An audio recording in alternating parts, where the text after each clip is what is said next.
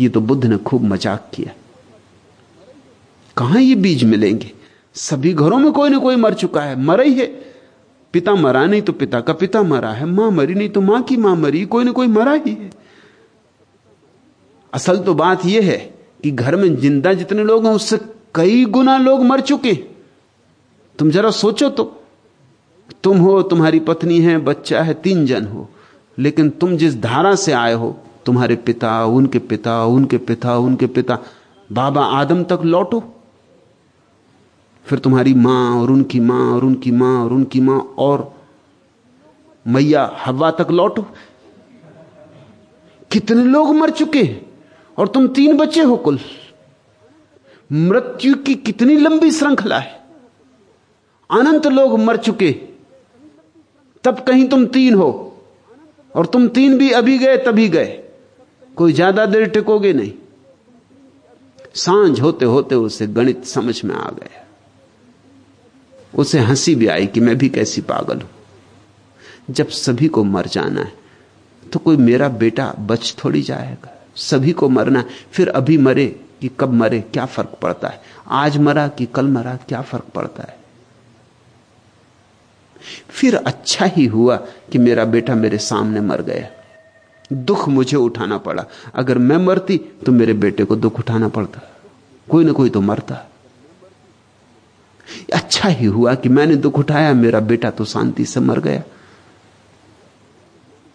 लौटी, बुद्ध के चरणों में गिर पड़ी। बुद्ध ने कहा, कहाँ है वे बीज? उसने कहा, आप छोड़ें वो बात। आपने भी खूब मज़ाक किया। ये भी कोई वक्त था मज़ाक करने का। मेरा बेटा मर गया। मगर अब वो हंस रही थी। और उसने कहा कि मुझे दीक्षा दें, क्योंकि मुझे ये बात समझ में आ गई, यहाँ तो मृत्यु ही मृत्यु है। इस मृत्यु के सागर में हम कैसे अमृत का अनुभव कर लें, इसका उपदेश दें? उसने बेटे की लाश की तरफ़ देखा भी नहीं। बुद्ध ने उसे दीक्षा दे दी, वो सन्यास नहीं हो गई। अब जरा तुम सोचो फ़र्क। अगर कोई ईसाई मौजूद हो तो बुद्ध से कहेगा, ये क्या कर रहे हैं आप? जीसस ने तो लजारस को ज़िंदा किया था। तो आप फिर असली बुद्ध नहीं नहीं तो ज़िंदा करके दिखलाएँ। और अगर कोई बौद्ध जीसस के सामने मौजूद होता और जीसस को देखता, लजारस को उठाते तो कहता, रुको। बुद्ध ने कहा था, सरसों के बीज, ये तुम क्या कर रहे हो? ये कोई बुद्धों के लक्षण? अब मुर्दे को जिलाने से फ़ायदा भी क्या है? फिर मरेगा। एक बार मर के झंझट मिट गई तुम दोबारा मरवाओगे। और भ्रांति पैदा करोगे लोगों में। बजाय लजारस के परिवार को संदेश दो कि यहाँ तो मृत्यु सभी की घटनी है, इसलिए जल्दी से जल्दी अपने भीतर जो छिपा है उसको पहचान लो, कहीं मौत उसके पहले ना आ जाए। तुम इन दोनों में कोई तालमेल देखते हो? तुमने कभी दो बुद्ध पुरुषों में तालमेल देखा है? लेकिन तुम्हारी मांग सदा यही रही। और तुम्हारी मांग के कारण दुनिया में बहुत नकलची पैदा हो गए।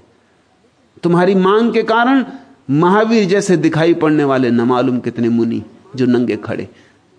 जो सिर्फ़ इसलिए नंगे खड़े हैं कि जब तक वो नंगे ना खड़े हो जाएँ, तुम मानोगे नहीं कि वो ज्ञानी और कुछ नहीं है उनके पास। सिर्फ़ नंगापन है।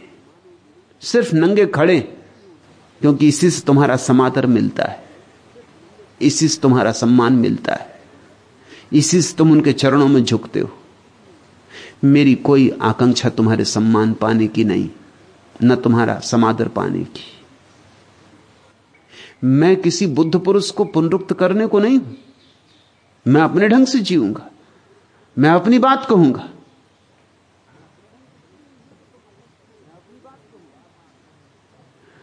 इसलिए ये तो तुम अपेक्षाएँ छोड़ दो, ये बार बार नाम मेरे सामने मत उठाया करो कि बुद्ध महावीर और ऋषि मुनि। तुम मुझे उबाय दे रहे हो बार बार बुद्ध पुरुष और ऋषि मुनियों के नाम उठा उठा के। उनका वो जाने। कहीं तुम्हारा उनसे मिलना हो जाए तो उनसे पूछ लेना कि आप सामूहिक मनोचिकित्सा क्यों नहीं करते?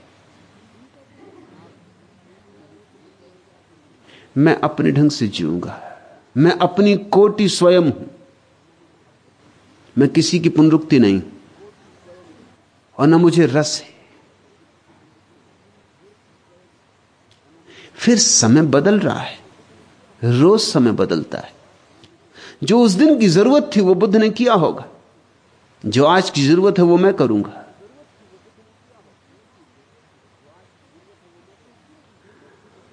उस दिन की ये ज़रूरत ना थी।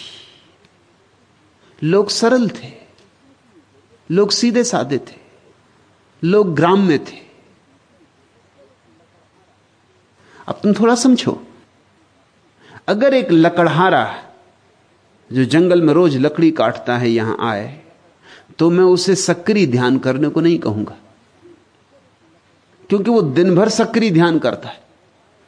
काटता है लकड़ी। तुमने देखा? अगर तुमको क्रोध आए, जरा जाके थोड़ी लकड़ियाँ काटना। बड़ा हल्कापन लगेगा उसके बाद, एकदम शांति छा जाएगी। जैसे कि सब दुश्मन काट डाले। वो लकड़ी काटने में उसकी सारी हिंसा निकली जा रही। उसके सारे भीतर का रोष निकला जा रहा, क्रोध निकला जा रहा है। अगर लकड़हारा यहाँ आए तो उसे मैं सक्रिय ध्यान करने को नहीं कहूँगा। मैं तो उसे कहूँगा, विपसना करो, शांत बैठो, मौन बैठो।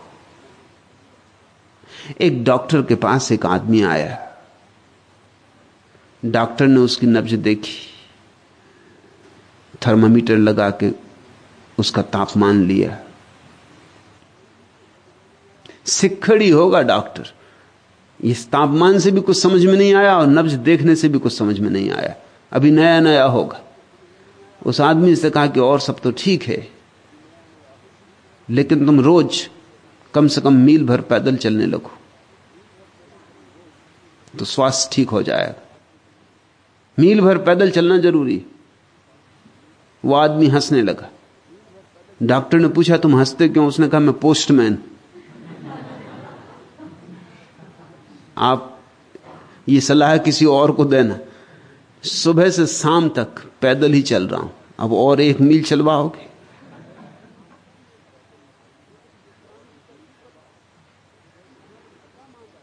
मुझे कुछ विश्राम की तरकीब बतलाओ। मैं थका मांदा हूँ। अब जो तरकीब औरों पे काम कर गई होगी एक मील चलो। वो इस पे काम नहीं करी, पोस्टमैन पे कैसे काम करेगी? मैंने सुना है, मुल्ला नसरुद्दीन एक दिन डॉक्टर के घर गया। डॉक्टर ने कहा कि देखो नसरुद्दीन, तुम्हें अपनी जीवनचर्या बदलनी होगी। भोजन में ये ये चीज़ें छोड़ दो। और शराब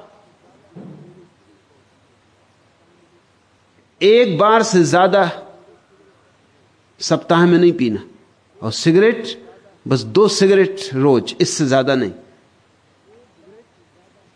नसुद्दीन तीन सप्ताह के बाद आया, जैसा कि डॉक्टर ने कहा था, आना, उसकी हालत और भी खराब थी।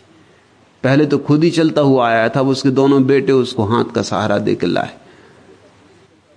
डॉक्टर ने कहा, तुम्हारी हालत तो नसुद्दीन और भी खराब हो गई, मालूम होता तुमने मेरी सलाह नहीं मानी। उसने कहा, तुम्हारी सलाह मानने का परिणाम शराब तो ठीक किसी तरह मैं पी गया, मगर वो दो सिगरेट ने रोज मेरी जान लिए ले रही। मैंने कभी ज़िंदगी में सिगरेट पी नहीं।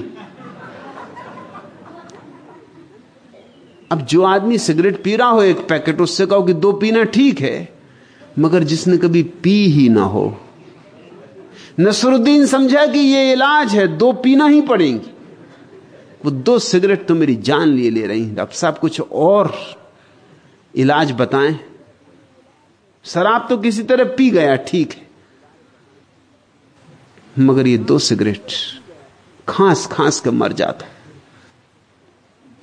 इलाज अलग होंगे, व्यक्तियों पर निर्भर करेगा। बुद्ध जिन लोगों से बात कर रहे थे, वे और थे। खेत में काम करने वाले किसान थे, लकड़हारे थे, मजदूर थे। बड़ी संख्या भोले भाले लोगों की थी। उन भोले भाले लोगों के पास रेचन करने को कुछ था भी नहीं।